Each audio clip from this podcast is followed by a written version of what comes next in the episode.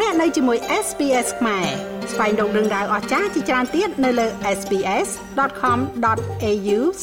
ខ្មែរ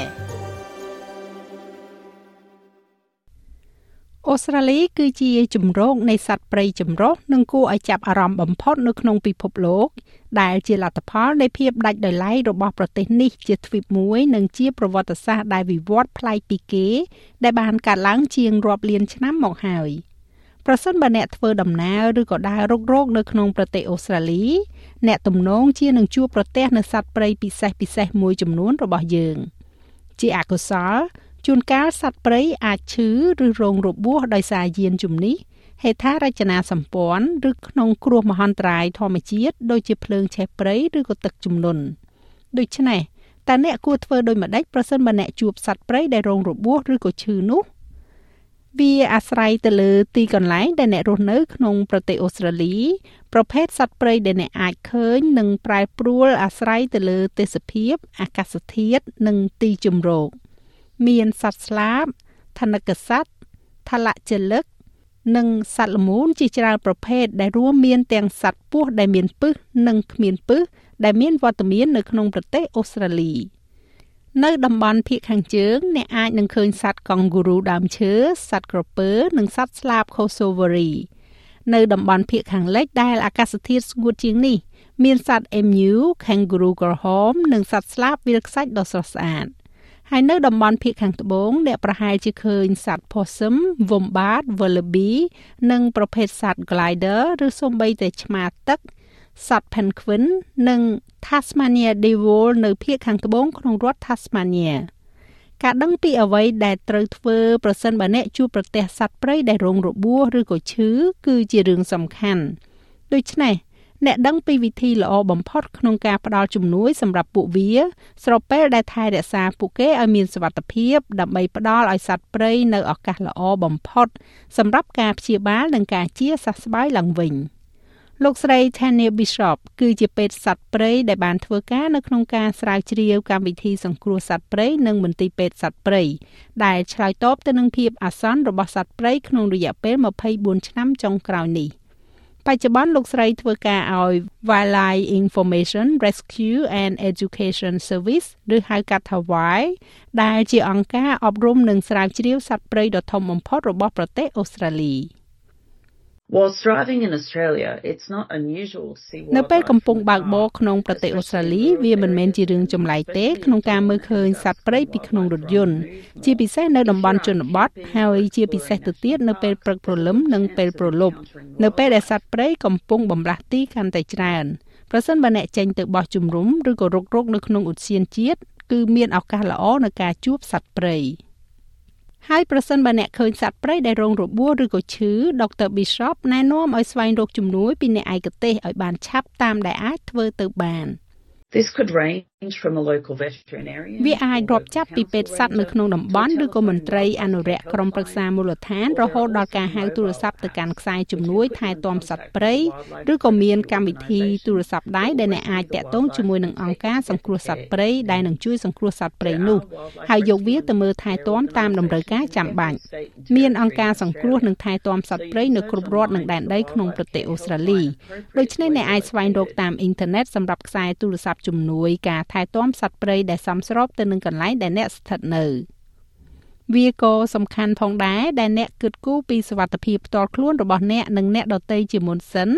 ហើយប្រសិនបើអាចធ្វើទៅបាន សូមព្យាយាមការពារសត្វដោយកន្សែង especially if you find wildlife on the side of the road ជាពិសេសប្រសិនបើអ្នកឃើញសត្វព្រៃនៅសងខាងផ្លូវវាតែងតែសំខាន់ដែលត្រូវធានាឲ្យបានថា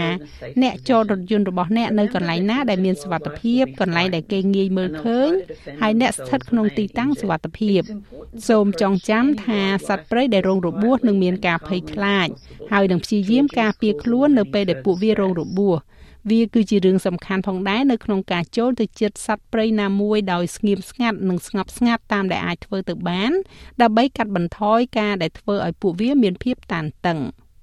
ប្រសិនបើអ្នកប្រទះទៅនឹងធនកសត្វដែលងាប់ជាប្រភេទធនកសត្វដែលផ្ទុកកូនរបស់វាដាក់នៅក្នុងថ្នាក់ពោះដូចជា kangaroo,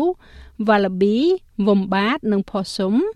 Dr. Bishop និយាយថាវាសំខាន់ណាស់នៅក្នុងការពិនិត្យថ្នាក់ពោះសត្វដើម្បីរកមើលកូនរបស់វាប្រសិនបើអ្នកអាចធ្វើទៅបានដោយសុវត្ថិភាព។ only remove a joey from the pouch if it obviously យកកូននោះចេញពីថ្នាក់ពោះប្រសិនបើវាមានរោមតែប៉ុណ្ណោះតែប្រសិនបើវាមិនមានរោមទេវានឹងត្រូវដកចេញពីថ្នាក់ដោយអ្នកថែទាំឯកទេសព្រោះវាជាធម្មតាមាត់របស់ពួកវាត្រូវបានភ្ជាប់ទៅនឹងដើមទ្រូងនៅដំណាក់កាលនោះហើយការយកចេញអាចបណ្ដាលឲ្យមានគ្រោះថ្នាក់ធ្ងន់ធ្ងរវាគឺជាការសំខាន់ណាស់ដែលកូនសត្វតូចតូចត្រូវបានរក្សាទុកក្នុងបរិយាកាសងងឹតដ៏កក់ក្ដៅហើយ ទៅរកអ្នកថែទាំឲ្យបានឆាប់តាមដែលអាចធ្វើទៅបានមានរបស់របរប្រើប្រាស់នៅក្នុងផ្ទះទូទៅមួយចំនួនដែលអាចបង្កើតបានជាឧបករណ៍សង្គ្រោះបឋមសម្រាប់សត្វព្រៃយ៉ាងងាយស្រួល។ ឧបករណ៍សង្គ្រោះសត្វព្រៃដ៏អស្ចារ្យមួយគឺរួមមានកន្សែងក្រាស់ក្រាស់ដែលមិនមានខ្សែអំបោះរលុងរលុងធ្វើឲ្យតាក់ក្រញាំជើងកេះប្រអប់ក្រដាស់កាតុងឬក៏ទ្រុងសត្វចិញ្ចឹមនិងស្រោមដៃថែសួនក្រាស់ក្រាស់ហើយប្រសិនបើអាចធ្វើទៅបាននោះគឺមានខ្នើយសម្រាប់កូនសត្វដែលអ្នកអាចរកបានសត្វព្រៃដែលរងរបួសត្រូវទៅជួបពេទ្យសត្វភ្លាមៗតាមដែលអាចធ្វើទៅបាន។ តាមច្បាប់មានតែអ្នកថែទាំសត្វព្រៃនិងពេទ្យសត្វដែលមានអាជ្ញាប័ណ្ណនិងការបណ្ដុះបណ្ដាលត្រឹមត្រូវប៉ុណ្ណោះដែលត្រូវថែទាំសត្វព្រៃអូស្ត្រាលីបានដោយសារតែតម្រូវការរបស់សត្វទាំងនេះគឺស្មុគស្មាញណាស់ គេវិតម្លៃដើម្បីមើលថាតើមានឱកាសល្អជាមួយនឹងការស្ដារនីតិសម្បទានិងការថែទាំដោយឯកទេសថាពួកវាមានឱកាសល្អនៅក្នុងការវិលត្រឡប់ទៅព្រៃវិញឬក៏អត់នៅពេលដែលពេទ្យសត្វបានព្យាបាលនិងធ្វើឲ្យសត្វព្រៃដែលរងរបួសនោះមានស្ថិរភាពពួកវានឹងត្រឡប់ទៅអ្នកថែទាំឯកទេសដើម្បីមើលថែទាំវិញសម្រាប់មើលថែវា2 3សប្តាហ៍ទៅ1ឆ្នាំឬក៏យូរជាងនេះសម្រាប់ប្រភេទសត្វមួយចំនួន។ លោក Morgan Philpott គឺជាអ្នកថែទាំសត្វព្រៃជាមួយនឹងអង្គការ Wise ដែលបានចំណាយពេលជាង1ទសវត្សរ៍នៅក្នុងការជួយមើលថែទាំសត្វព្រៃដែលរងរបួសនិងឈឺដោយមានចំណាប់អារម្មណ៍ពិសេសចំពោះការថែទាំនិងការស្ដារឡើងវិញនៅសត្វ koala លោកពន្យល់ពីអ្វីដែលកើតឡើងនៅពេលដែលសមាជិកសាធារណៈម្នាក់ហៅទៅកាន់សេវាសង្គ្រោះសត្វព្រៃ We as carers on our phones we'll get a, a យើងគឺជាអ្នកថែទាំនៅលើទូរស័ព្ទរបស់យើងនឹងទទួលបាននៅសារជូនដំណឹងដល់យើងអំពីការសង្គ្រោះហើយប្រសិនបើយើងអាចចូលរួមបានយើងនឹងចុចប៊ូតុងចូលរួមហើយបន្ទាប់មកយើងនឹងទទួលបាននៅព័ត៌មានលម្អិតបន្ថែមដែលបានផ្ញើពីការិយាល័យកណ្ដាលតាមរយៈកម្មវិធី app របស់យើង ហើយជាទូទៅយើងនឹងធ្វើការតាក់ទងជាមួយសមាជិកសាធារណៈនិងទទួលបាននៅព័ត៌មានលម្អិតបន្ថែម ហើយយកវាពីទីនោះសត្វទាំងនេះជាពិសេសសត្វខ្វាឡានិងសត្វដែលស្មុគស្មាញជាងនេះពិតជាត្រូវទៅជួបពេទ្យសត្វយ៉ាងឆាប់រហ័សសម្រាប់ការវាយតម្លៃការសម្រេចចិត្តអំពីការព្យាបាលជាបន្តនៃសត្វព្រៃនៅក្នុងការថែទាំត្រូវបានធ្វើឡើងដោយភ្ជាប់ជាមួយនឹងពេទ្យសត្វ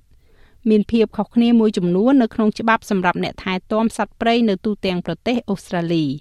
ប៉ុន្តែជាទូទៅអ្នកថែទាំសត្វព្រៃនឹងធ្វើការស្ដារឡើងវិញនិងថែទាំសត្វដើម្បីរៀបចំសត្វព្រៃឲ្យត្រឡប់ទៅព្រៃវិញ។នេះមានន័យថាការដោះលែងសត្វនេះនៅពេលដែលវាត្រូវបានគេវាយតម្លៃថា មានកាយសម្បទានិងជំនាញចាំបាច់គ្រប់គ្រាន់ដើម្បីរស់នៅក្នុងព្រៃ។ For an animal to be released back into the wild it has to be ដើម្បីឲ្យសត្វមួយក្បាលត្រូវបានដោះលែងឲ្យចូលទៅក្នុងព្រៃវិញវាត្រូវតែអាចដំណើរការបានជាធម្មតានៅក្នុងព្រៃដូច្នេះឧទាហរណ៍សត្វ koala ត្រូវតែអាចឡើងដើមឈើបានវាត្រូវតែអាចស៊ីស្លឹក eucalyptus បានប្រសិនបើវាមិនអាចធ្វើរឿងទាំងនោះបានទេនោះវាមិនអាចត្រូវបានដោះលែងទៅក្នុងព្រៃវិញទេព្រោះវានឹងមិនអាចរស់នៅបានល្អនោះឡើយ។ហើយដោយដែលដុកទ័រ Bishop ពន្យល់ ជាអកុសលមិនមែនសត្វព្រៃទាំងអស់អាចត្រូវបានគេដោះលែងឬក៏ជួយសង្គ្រោះនោះទេ Sadly some animals that are traumatically injured គួរឲ្យស្ដាយសត្វមួយចំនួនដែលរងរបួសធ្ងន់ឬក៏ឈឺធ្ងន់ទីបំផុតអាចត្រូវការចាក់ថ្នាំឲ្យងាប់តាមសម្រួលប៉ុន្តែសម្រាប់សត្វដែលយើងអាចជួយបាន ការងារស្ដារសត្វព្រៃគឺជាការបំផុសគំនិតនិងផ្ដល់រង្វាន់មិនគួរឲ្យជឿតាក់ទងទៅនឹងភាពខុសគ្នាដែលយើងអាចធ្វើបាន។ មនោសញ្ចេតនានេះត្រូវបានបន្តឡើងដោយអ្នកថែទាំសត្វព្រៃគឺលោក Phil Pott ដែលមានទឹកចិត្តចង់ជួយសត្វព្រៃ